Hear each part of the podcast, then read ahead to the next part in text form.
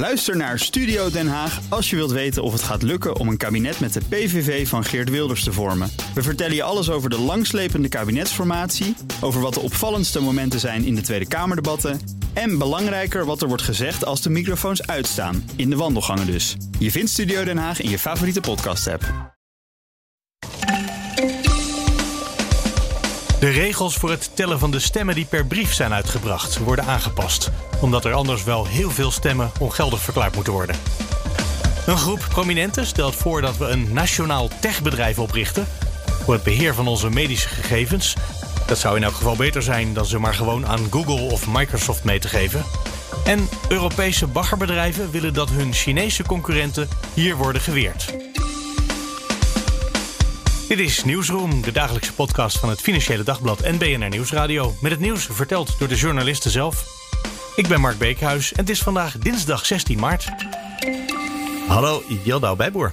Hallo, Mark. Van BNR Nieuwsradio. We gaan het hebben over het briefstemmen. Inmiddels weten we dat er een oplossing komt. Ja. Daar gaan we het straks over hebben met uh, Thomas van Groningen. Jij was gisteren al met dit uh, nieuws bezig, want het kwam natuurlijk gisteren in de loop van de dag naar buiten. Ja, er kwamen natuurlijk steeds meer geluiden van gemeentes waar die briefstemmen al ge, zeg maar, geopend waren. Dus eigenlijk al voorbereid om te gaan tellen. En wat bleek, uh, heel veel stemmen waren ongeldig. Um, in heel veel gemeentes lag een percentage rond de 8, 9 procent, terwijl dat normaal maar 0, 3 uh, procent is. En dat komt allemaal omdat het toch een vrij uh, ingewikkeld systeem blijkt te zijn voor veel mensen, waarbij je twee enveloppen krijgt. En in de ene envelop moet je je stembiljet stoppen en dichtplakken. Die doe je dan in de andere envelop met je stempas, zodat je briefgeheim uh, bewaard bleef. Maar heel veel mensen hebben gewoon en hun stempas en hun stembiljet in dezelfde envelop gestopt en gedacht: oh, nou, dan is het goed. Uh, en vervolgens opgestuurd. En wat bleek? Nou, die moesten al die stembureaus aan de kant leggen. Uh, en die konden dus eigenlijk niet meegeteld uh, worden. Um, en daar maakten wel heel veel mensen zich zorgen over. Ik heb de AMBO gesproken en die dat zijn is de echt... Bond van Ouderen, Ja, de oudere ja, bond. want dit gaat ook over mensen van 70 plus. Uh, ja. men, mensen in het buitenland die bij briefstemmen doen dit waarschijnlijk al jaren zo. Hebben Ja. we nooit van geweten of het wel of niet een probleem was. Maar alle 70-plussers in Nederland mochten dit nu ineens ook zo op deze manier doen. Ja, ja. En wat, wat zei ze bij de AMBO? Nou, die hebben echt. Uh, ze kregen al heel veel berichten over van ja, maar hoe moet dat nou? En mensen die het gewoon lastig vonden, die bij hun aanklopten van kunnen jullie ons helpen? En toen dat nieuws dus naar buiten kwam van dat uh, heel veel stemmen misschien ongeldig waren, dat was echt voor heel veel mensen echt een, een shock. Want uh, ja, ze zeiden ook dat is echt een generatie die stemmen zo belangrijk vindt. En dan neem je alle moeite om je stem op te sturen en doe je daar echt moeite voor. En dan ja. opeens telt hij niet. Dus de AMBO zei ook meteen van kom op jongens, uh, zorg nou gewoon dat er een oplossing komt. Zorg dat we al die stemmen gewoon mee kunnen tellen. Maar is het nou echt te ingewikkeld? Want als nou dit de manier is waarop we per brief stemmen. Ik denk alle experts doen dit al jaren. Dat zou toch, uh, mensen zouden dit toch moeten kunnen? Nou, ik denk eerlijk gezegd dat het gewoon best lastig is. Omdat het gewoon onnatuurlijk voelt dat je twee enveloppen krijgt. En in welke envelop moet je het dan stoppen? En ik denk dat mensen ook gewoon natuurlijk. Ja, oh ja, hier een envelop. Ik stop het er alle twee bij. En dan stuur ik het op. En ook tijdens. Ze hebben ook al wel eerder proef gedraaid met dat briefstemmen. En toen zagen ze die problemen ook al. En de AMBO zegt ook: ja, dit had je van mijlenver aanzien komen. Dus ik denk niet dat het een kwestie is van. Oh, het zijn gewoon. Uh, niet zo snuggere oudere mensen meer die dit fout doen. Het is gewoon heel erg onhandig. Je wou iets zeggen?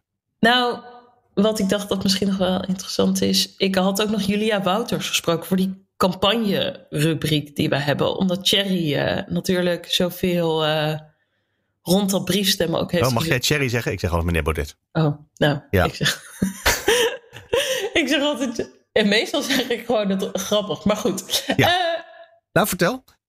Nou, en we hebben ook uh, bij BNR een campagne-rubriek. Uh, waarin we elke dag met twee campaign-watchers spreken. En ik sprak gisteren Julia Wouters. Um, zij is onder andere ook politiek adviseur geweest van Ascher. Zij zei van ja, dit is natuurlijk wel echt koren op de molen voor Baudet, die hier al veel langer campagne ook meevoert eigenlijk met al die briefstemmen zijn ongeldig en we weten niet hoe dat werkt. Volgens mij heeft Thomas hem recent daar nog over uh, gesproken.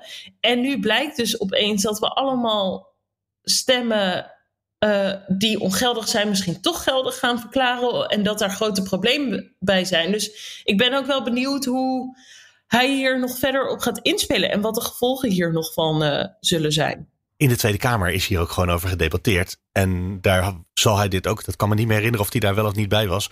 Maar er waren heel veel partijen die zeiden: het is wel heel belangrijk dat er nu een overheidscampagne komt. Die gaat uitleggen hoe dit werkt. Ja. En ik kijk net niet genoeg televisie om te weten of dat ook echt gebeurd is. Ik heb echt niks gezien, terwijl ik de afgelopen tijd toch best wel uh, wat tv heb gekeken door debatten en zo. Maar ja. nee. Maar goed, het heeft dan ook hun eigen doelgroep niet bereikt, toch? Als het zo vaak nog misgaat. Het heeft in ieder geval niet het effect gehad wat het had moeten hebben. Nee. Jildau, dankjewel. Alsjeblieft. En dan gaan we naar uh, Thomas van Groningen, ook van BNR. Hallo Thomas. Hi Mark. Uh, inmiddels weten we, uh, nadat uh, Yilda gisteren met de ANBO onder andere aan het bellen was over de problemen met het briefstemmen, dat de minister dat ook heeft herkend.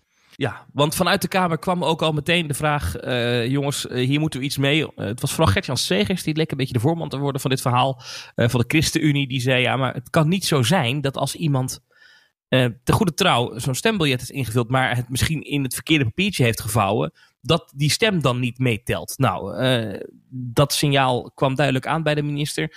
Ook omdat uh, de Vereniging Nederlandse Gemeenten, de VNG, en ook de Nederlandse Vereniging voor Burgerzaken, die bestaat, de NVVB, uh, die hebben allebei laten weten aan de minister: joh, wij zien nu bij de eerste tellingen van die briefstemmen, zien wij dat het misgaat. Dat er toch een aantal, flink aantal van die, van die brieven uh, niet goed is dichtgeplakt. In die zin dat, dat dan bijvoorbeeld de, de, uh, de Stem Plus pas, hè, want die krijgen die 70-plussers, dat die dan uh, in dezelfde envelop zit als het stembiljet. Terwijl het stembiljet, wat ingevuld is, moet in een eigen envelop zitten, dichtgeplakt. En die gaat met envelop en al in de stembus. Dat is de bedoeling. Ja. Alleen, dat is bij veel mensen toch, toch misgegaan. Um, uh, precies percentage krijgen we daar niet van. Er was één gemeente waar dan de NOS toevallig was gisteren, waar het 8,5% was.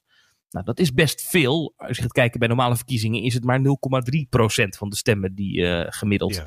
uh, die ongeldig zijn. Bijna, dus kortom, bijna 1 op de 10. Dat is gewoon. Uh, dat, is, dat is, best wel veel. Dat is veel. Dus, dus nou, de, de, minister zegt in deze brief dat ze meteen contact heeft gezocht met de Raad van State, hè, de adviseur van de overheid. En de kiesraad met de vraag: joh, wat kunnen we nou doen?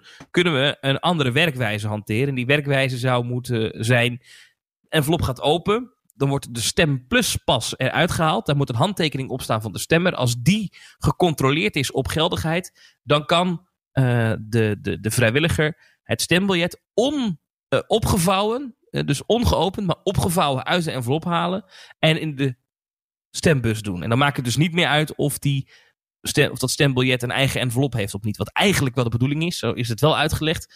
Maar is dit een goede werkwijze? Want als je dat stembiljet dus niet openvouwt op dat moment, dan is het stemgeheim nog steeds gewaarborgd. Want dan kan je wel een stempas zien, maar je ziet natuurlijk niet welk bolletje ja. rood gekleurd is.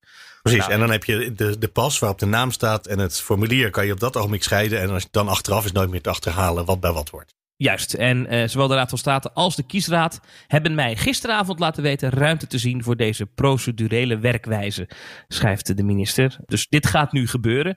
En dat is toch een verandering in ja. hoe het was bedacht. Want ik heb gisteren nog contact gehad, Mark, met, met wat mensen die betrokken zijn bij het opzetten van, die, uh, van dat briefstemmen. En die waren wel een beetje geïrriteerd. Die zeiden, ja, weet je, we hebben heel duidelijk uh, met, met plaatjes en in vier stappen aangegeven, zo stem je per brief. He, je moet mm-hmm. eerst die stempluspas ondertekenen. Dan vul je het stembiljet in. Dat stembiljet doe je in een eigen envelop.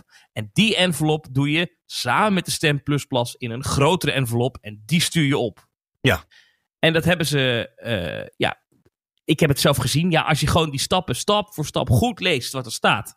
Ja, dan kan het haast niet misgaan. Maar blijkbaar zijn er toch mensen, hè, 8,5% in de gemeente Benheense, die, ja, die dat dan toch niet goed lezen.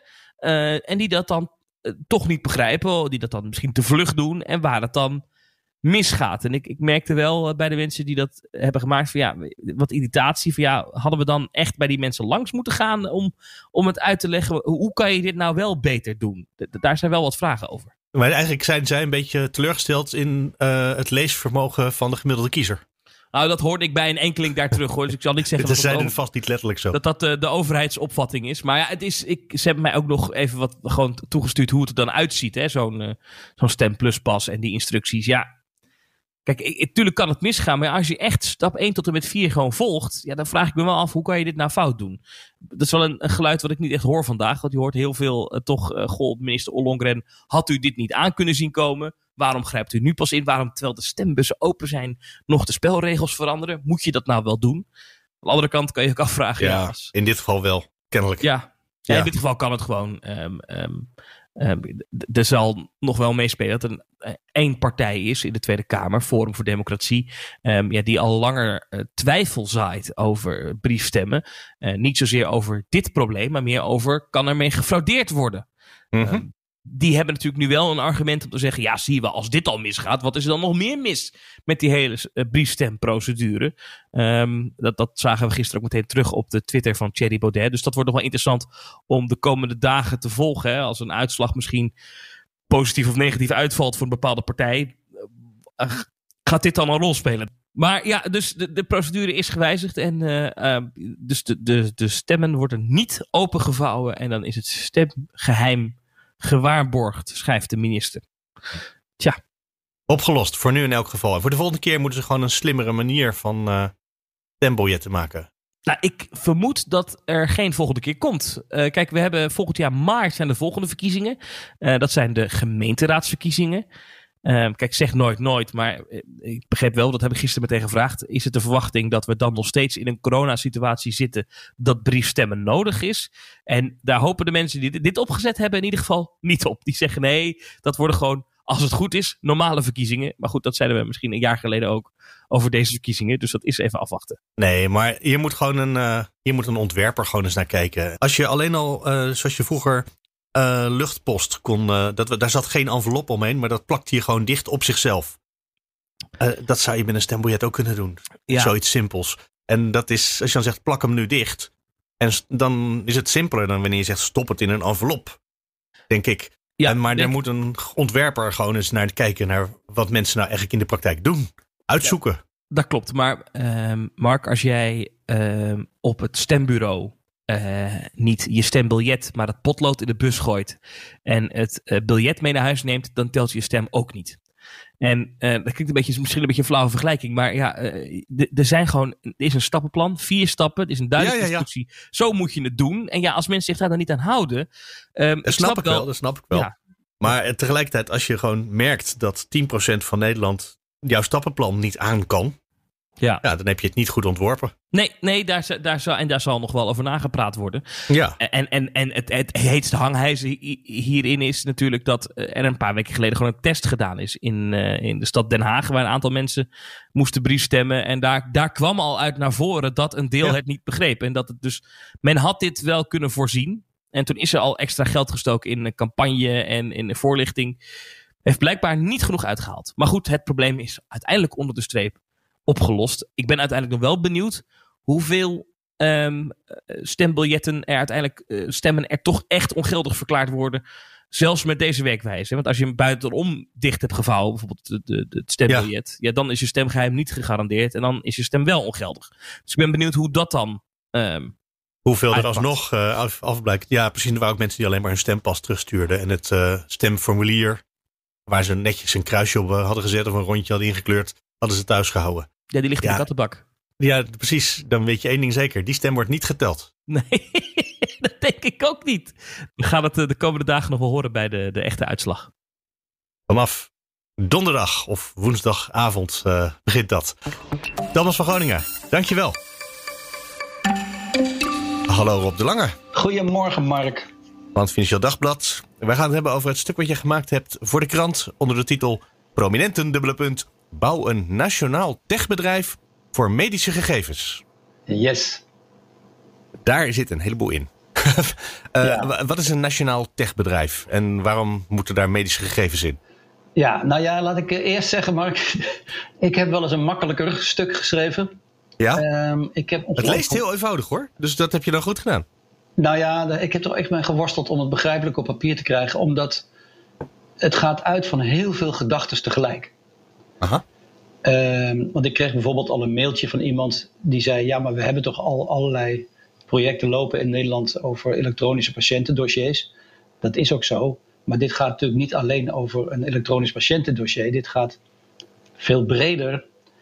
En misschien kan ik het samenvatten met wat een van de sprekers uh, in dat stuk zegt. Die zegt: beloond worden voor uh, je data moet net zo normaal worden als beloond worden voor het verrichten van arbeid. Met andere Aha. woorden, data is in de ogen van deze mensen de nieuwe grondstof voor de economie van de toekomst. Ja. En dat zien we natuurlijk al, want kijk, zonder dat wij het weten, worden natuurlijk de hele dag overal van ons data verzameld. Of we nou werken, of we nou sporten, of dat we nou uh, weet ik veel wat doen, of uh, op social media zitten. En we weten eigenlijk, tenminste ik niet, precies waar die data allemaal heen gaan en wat er vervolgens mee gebeurt. En dat heeft natuurlijk ook te maken omdat we in de loop der tijd gewend zijn geraakt aan het uh, fenomeen dat je in ruil voor een gratis dienst geef je je data weg. Ja. Of nou ja, trouwens, dat... soms als je betaalt, geef je je data nog steeds weg. ja, ja. En um, zij zeggen van dit moet echt anders. We zijn naïef. We moeten dat helemaal omdraaien. En laten we er nou uh, voor zorgen dat voordat dat ook met medische data gebeurt, dat we die ook massaal de grens over laten gaan, om het heel plastisch te zeggen. Laten we dat naar ons toe halen en zelf een techbedrijf, een echt bedrijf gaan bouwen. Met twee aandeelhouders, de staat en de burger. Waarin de burger zelf de baas wordt over zijn medische gegevens in dit geval. En dat dat bedrijf dan voor ons uh, bemiddelt en onderhandelt uh, met die data om te kijken of je daar misschien geld mee kunt verdienen. En dan is de gedachte dat de winst die dat bedrijf gaat maken weer ten goede komt aan de zorg, die, zoals je weet, uh, steeds duurder wordt. Dus er is alle reden om de zorgkosten te beteugelen. En er is al helemaal heel veel redenen, zeggen deze initiatiefnemers, om het gebruik van die data naar ons toe te trekken. Oké, okay. even om het heel praktisch te maken. Ben je nog, Mark? Jazeker. uh, ik ga even proberen het, even, even toetsen of ik het goed snap. Uh, ik ga naar de huisarts. En uh, die heeft voortaan... Ja, we hebben op het ogenblik geen elektronisch patiëntendossier. maar dat komt er dan wel. En dat wordt één landelijk groot systeem... waar alle artsen verplicht op aange, aange, aangesloten zitten. En dan tikt mijn huisarts tikt daar in een formuliertje... wat er vandaag besproken is. En dat wordt nou, van alle, alle keren wordt dat verzameld... En dat is interessant. Het wordt eigenlijk iets anders. Het, uh, jij krijgt je eigen dossier. En je krijgt een zogenaamd zorgadres, althans zo staat het in het plan, met een pincode. En jij bepaalt zelf aan wie je die gegevens geeft. Als je zegt, nou, ik wil niet dat ze gedeeld worden, natuurlijk wel met je arts, hè, maar je kunt vanuit je telefoon, we hebben allemaal een smartphone. Of tenminste, mm. bijna allemaal. Ja. Dus je kunt vanuit die smartphone kun je uh, direct iets sturen naar een dokter of naar een zorgverzekeraar of naar een pensioenfonds of nou ja, weet ik veel.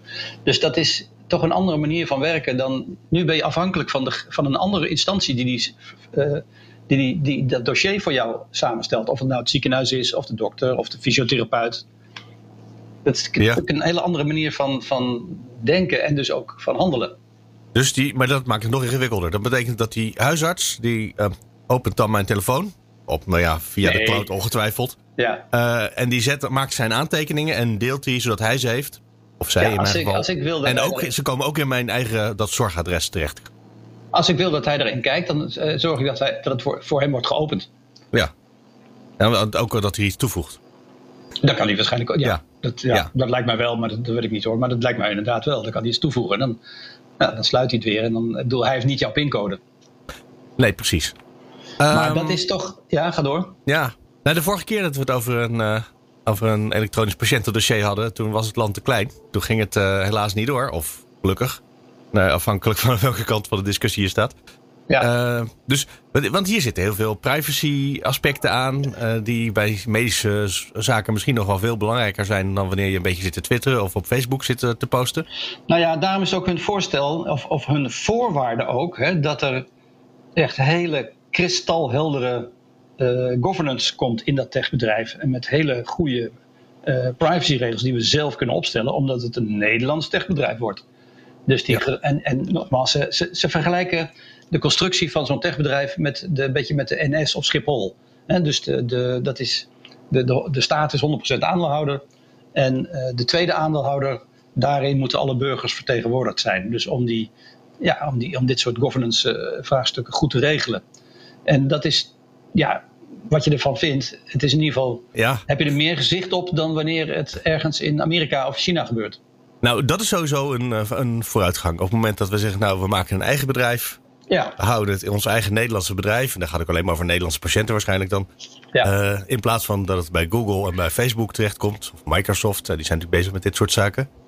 Maar uh, dat even, lijkt me meteen een verbetering. Ja? Mag ik even, even een andere vergelijking maken, Mark, die ook in het stuk wordt gezegd. Die vond ik toch wel sprekend. Nogmaals, hoor, het, het, ik vind het ook ingewikkeld om alles gedachten van, deze, van dit voorstel te volgen. Maar even, even het volgende. Vergelijk het met, met Booking.com. Dus alle hotels geven uh, hun data aan Booking.com. Die gaat ermee aan de slag, die verrijkt die data, die geeft er meerwaarde aan op een of andere manier. En die meerwaarde is natuurlijk hun verdienmodel. En daar verdienen ze geld mee. Ja. Dus zeg nou even, ver, eh, verander Booking.com in dit nieuwe nationale techbedrijf. Ja. En dan heb je misschien een idee uh, ja, dat we dan toch zelf de regie. Dus de, de burger krijgt de regie over zijn eigen gegevens. En uh, het, dat nieuwe techbedrijf krijgt de regie over onze alle verzamelde data. Ja. En daar komt nog iets anders bij. Dat, dat als je dat allemaal nationaal met dezelfde standaarden bij elkaar zou brengen, krijg je natuurlijk ook uh, nog een ander voordeel is dat je uh, andere patronen kunt krijgen. Dus je krijgt bijvoorbeeld alle data van, noem maar wat, van diabetespatiënten. Of alle data van, nou weet ik veel. En daar zijn natuurlijk uh, ziekenhuizen, ja, daar kunnen wetenschappers veel mee. Ja, daar kunnen wetenschappers veel meer. En die, moeten dat, die, die doen dat soort onderzoek nu natuurlijk ook. Maar zoals uh, Margriet Snijder in dat stuk ook zegt, zij is uh, bestuursvoorzitter van het UMC in Utrecht en uh, ook voorzitter van de Federatie van alle academische ziekenhuizen. Zij zegt, nu zijn we ook heel veel geld kwijt om dat soort onderzoeken op te zetten. Omdat we zelf een databestand moeten maken of er een, een hele infrastructuur moeten kopen ergens anders. Dus waarom doen we dat niet zelf? Ja, dat klinkt heel logisch als je het zo zegt. Ik zit wel meteen te denken als je boeking vervangt door thuisbezorgd. en je denkt dat, ja, dat is namelijk hetzelfde model. Hè? Dat zijn, uh, alleen van die sector weten we dat alle restauranthouders echt steen en been klagen over dat ze geen contact meer met de klant hebben. Dat ze niet meer zelf hun tarieven mogen bepalen.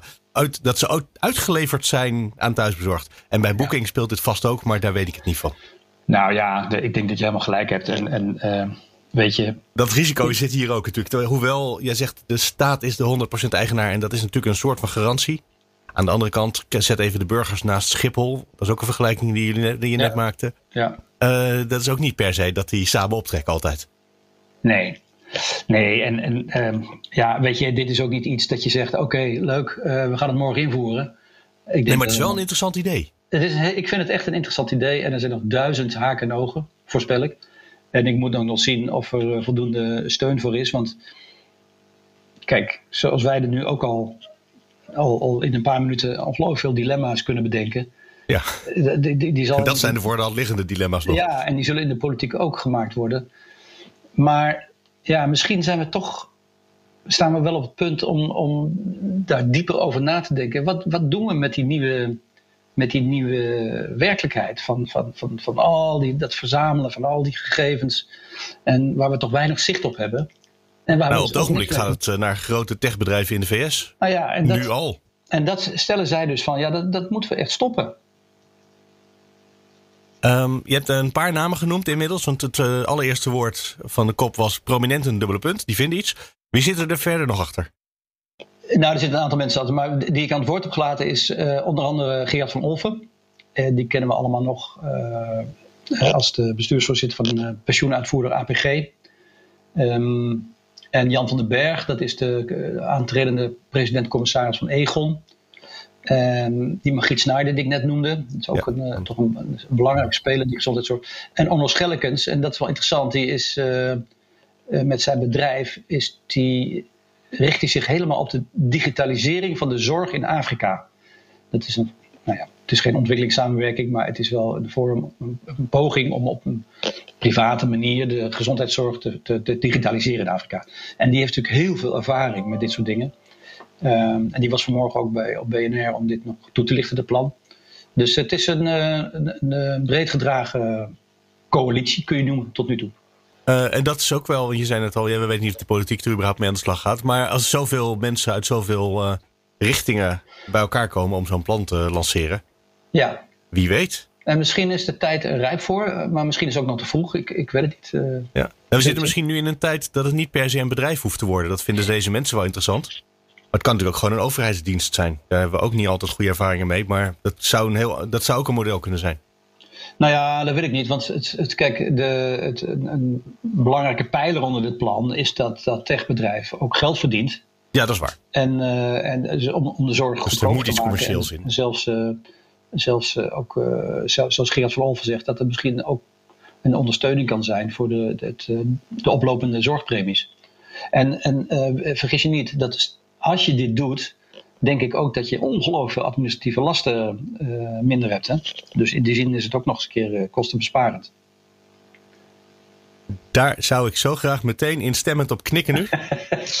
Maar je weet wat er gebeurde in de zorg op het moment dat er allerlei regels afges, uh, afgeschaft werden. Toen zeiden de verzekeraars, ja, maar wij hebben het wel nodig. Dus dan voeren wij ze wel in. Dan is het geen wet, maar dan zijn het onze voorwaarden. Nee, natuurlijk. Nou, ja, dus wat dat, betreft... Dat, dat ja. is ook een van die duizenden uh, afgetekend. ja, ik zie altijd heel veel beren op uh, alle wegen. Nee, ja, God, daar zijn we ook voor, dus terecht. Ja, dat, is bij, ja, dat is ons vak, om beren te zien. Ja. Uh, even goed, het is een interessant stuk. Je, zou, je hebt ermee geworsteld. En ik snap wel dat je ermee geworsteld hebt, want het, het gaat over de zorgkosten, het gaat over de data van patiënten, het gaat over organisaties, het gaat over uh, eigenlijk gewoon hoe we de zorg in het hele land inrichten. Ik ben blij dat je met me meevoelt, Mark. Ja, maar we hebben het volgens mij wel helder besproken nu. Ik hoop het. En anders moeten mensen gewoon even naar de show notes op bnr.nl slash nieuwsroom en daar klikken op de link naar het artikel. Heel goed. Op Lange. Dankjewel. Jo, tot de volgende keer. Hoi Mark. Hallo, Pieter Lokens van het Financieel Dagblad. Ja, goedemorgen Mark. De baggeraars in Europa, maar dat zijn vooral een aantal Nederlandse grote bedrijven. Die maken zich zorgen over China. Want uh, is China eh, goedkoper in het eh, baggeren? Nou ja, dat is volgens hen wel het geval. En op een oneerlijke manier ook nog. Uh, er zijn vaak staats, staatsondernemingen. en die worden natuurlijk over het algemeen is dat die, die, die geldstromen die naar die bedrijven gaan, zijn heel moeilijk te, te, te duiden en te, en te doorgronden. Volgens hem, volgens hen speelt daar de staat dus een enorme belangrijke rol in. Ook de financiering door de, door de staat. Dus um, zij zeggen van ja, het is oneerlijke concurrentie. En uh, ja, wij komen ze al tegen op de internationale markten. Zuid-Amerika, Azië. en, maar nu komen we ze ook tegen in, in Europa. Tenminste, daar proberen ze ook een positie te verwerven. En dat is, ja, dat is een, ik kon niet zeggen een brug te ver, maar in ieder geval een schip te ver, laat ik het zo zeggen. Ja, even de goede, goede parallel er even proberen te bedenken. En dit gaat over bedrijven als Van Oort en Boskalis. Gewoon hele grote bedrijven in de wereld. Die nu ineens concurrenten hebben die goedkoper zijn. Maar die komen hier. Volgens mij groeien we langzaam toe naar een soort gelijk oversteken model. Mogen zij in China ook baggeren als ze willen? Van Oort en Boskalis? Nee, dat, uh, dat, uh, tenminste, ze krijgen daar geen, geen markttoegang. Daar klagen ze ook over. Van uh, ja, zij hier wel en wij, en wij daar niet. dus um, daar klagen ze dus ook over. Het, het, heeft te maken met die veronderstelde staatssubsidies, maar ook met die markttoegang die zij in China dan niet die krijgen. Uh, er is nog nooit een, een, een baggerschip van Boskalis en van Oorts, tenminste in de, in de afgelopen jaren in ieder geval niet, bij een Chinees werk geweest. Um, het zijn trouwens niet alleen de Nederlanders die een, een, sterke positie hebben in het baggeren. Je hebt natuurlijk Boskalis van Oorts, maar ook de Belgen met Jan de Mul en, en Deme. Dat zijn ja. de grote vier van de wereld die natuurlijk tijdenlang de, de hegemonie hadden op de internationale baggermarkt. Als er ergens gebaggerd werd, waren de Nederlanders. Maar ja, nu komen de Chinezen dus ook de internationale markt op. En ja, dat heeft prijsconcurrentie toch gevolg. En kunnen die dat net zo goed als wij? Kunnen die dat net zo goed als de Belgen desnoods? Ja, misschien in het eenvoudige werk wel. Tenminste, ik, ik, ik, ik, ik heb nog nooit op een Chinees baggerschip gezeten en ik heb het werk uh, nog niet kunnen controleren. Maar volgens, uh, volgens de baggeraars um, kunnen zij, zijn zij technologisch veel beter en kunnen ze het, kunnen ze het ook beter. Um, dat is natuurlijk een beetje het vreemde van de bagger. Je ziet een schip drijven en, en, die haalt zand ergens uit en dat wordt ergens anders naartoe gebracht. Het lijkt allemaal niet zo moeilijk, maar toch komt daar natuurlijk veel bij te kijken. Dat je wel het juiste zand weghaalt en dat ook naar de juiste plek brengt. En dat zo'n schip ook een beetje milieuvriendelijk is. Nou ja, er komt toch nog wel het een en ander bij te kijken. Uh, om, dat, om heel goed te, te kunnen baggeren, zeg maar. Het is niet voor niks dat de Nederlanders daar toch goed in zijn. Met decennia lange ervaring, hè? Dus. Nou hebben natuurlijk pas een bedrijf gehad, IHC, wat hier in Nederland steun heeft gekregen omdat we ons zorgen maakten dat dat naar China zou gaan. Of dat, een, dat de technologie van het bedrijf misschien nog belangrijker naar China zou gaan. Um, is dat iets hier, ja, gaat, gaat hier de Nederlandse of de Europese overheid ook iets doen om de baggerbedrijven te steunen, te redden misschien wel? Nou, je, kijk, je hebt uh, dat is nog even afwachten. Uh, de baggerbedrijven hebben daar wel op aangedrongen van ga bij aanbestedingen, maak het ook mogelijk. Want dit zijn diensten hè, en diensten zijn moeilijker te beschermen dan goederen. Dit, het zijn aannemingsdiensten. Dus ze hebben dus de commissie gevraagd van let hierop. maak het bijvoorbeeld mogelijk om Chinese bedrijven uit te kunnen sluiten van aanbestedingen, noem maar iets. Hè. Dus maak een bepaald instrumentarium. Want dat, wat er nu is, is onvoldoende. En uh, in Duitsland, want het mooie is natuurlijk dat uh, China nu mee wil doen. CCCC, dat is een soort staatsconglomeraat, mee wil doen met de uitdieping, verbreding van de Elbe, hè, de toegangsrivier tot de Hamburgse haven. Dat ook in hmm. Duitsland bij ministers is aangedrongen van uh, doe dit niet, want dit is, betekent een, wat zij dan schrijven, een uh, ruïneuze prijsconcurrentie gaat dit, uh, gaat dit losmaken. En um, ja, zij zien het toch als een soort, als ze daar aan de slag mogen, dan is het een soort toegangspoort tot veel meer baggerwerk in, in Europa. Hè? Dus de, de, ja, dat is het hek van de dam. Ja, precies. precies um, ja. Maar dan moeten we wel heel zeker weten dat die klacht van die baggerbedrijven ook uh, terecht is. Dat ze uh, de Chinezen niet gewoon goedkoper zijn, maar dat ze goedkoper zijn door staatssubsidies. Uh, toch? Ja. Is dat, heb jij daar de vinger achter kunnen krijgen? Nee, daar heb ik, heb ik niet de vinger achter kunnen krijgen. Er komen wel de, bagger, eh, de Europese baggerorganisaties die komen wel met bepaalde voorbeelden, of in ieder geval bepaalde verdenkingen. Um, dat zal dus dan ook nog toch wel onderzocht moeten worden. Als je een Chinees bedrijf wilt uitsluiten, zul je toch ook uh, moeten kunnen zeggen waarom je dat, uh, dat doet. Hè? Dus anders dan zal China ja. daar ook geen genoegen mee, mee nemen. Um, ja, misschien biedt het nieuwe investeringsakkoord tussen Europa en, en China daar wat meer mogelijkheden. Ook voor de Europese baggeraars. Maar ja, zoals zo vaak wordt gezegd, papier is geduldig. Hè? Dan komt er nog op uitvoering aan. Dus misschien, misschien krijgen ze iets meer markttoegang. Maar dat zal in de komende tijd nog moeten, moeten blijken. Ja, dat heeft China in het verleden al meerdere keren beloofd en aangekondigd. Maar nooit, zo, nooit zoveel werk van gemaakt. Of niet op een manier die wij bedoelden. Nee, er, zijn, er speelt nog wel speelt het investeringsakkoord ook wel een rol in. Dat is ook op, sterk op aandringen van de Duitse industrie gekomen. Dus uh, de, de, grote autofabrikanten die natuurlijk eh, mogelijkheden zien om uh, verder op te rukken in de Chinese markt. Ja. Is, dus als, als Duitsland nu zeg maar uh, zich gaat verweren uh, tegen, de Duits, uh, tegen de Chinese baggerbedrijven. Ja, misschien werkt dat ook niet helemaal goed in verband met dat investeringsakkoord. Hè, met een ander deel van de Duitse industrie. Dus, um, nou, ik ben, wel, ik ben wel benieuwd hoe, dat, hoe zich dat gaat, gaat ontwikkelen. Nou, dat blijven we gewoon lezen in de kranten in de komende tijd. Ja. Pieter Lokes, okay. dankjewel. Prima. En dat was hem voor vandaag. De plek waar je de show notes vindt, die noemde ik net al aan het einde van het gesprek met Rob de Lange. En dat is het voordeel van een podcast. Die kan je gewoon even terugspoelen als het nodig is. Dus wil je je abonneren op deze podcast, dan vind je Nieuwsroom natuurlijk gewoon in je podcast app. En ook op bnr.nl slash nieuwsroom. Ah trouwens, daar staan ook de show notes. En als je nu naar de podcast luistert, we zenden deze podcast ook op de radio uit, dan vind je de show notes ook altijd natuurlijk gewoon in je podcast app. Je kan mailen als je wil reageren op nieuwsroom.bnr.nl of nieuwsroom.fd.nl. Tot morgen.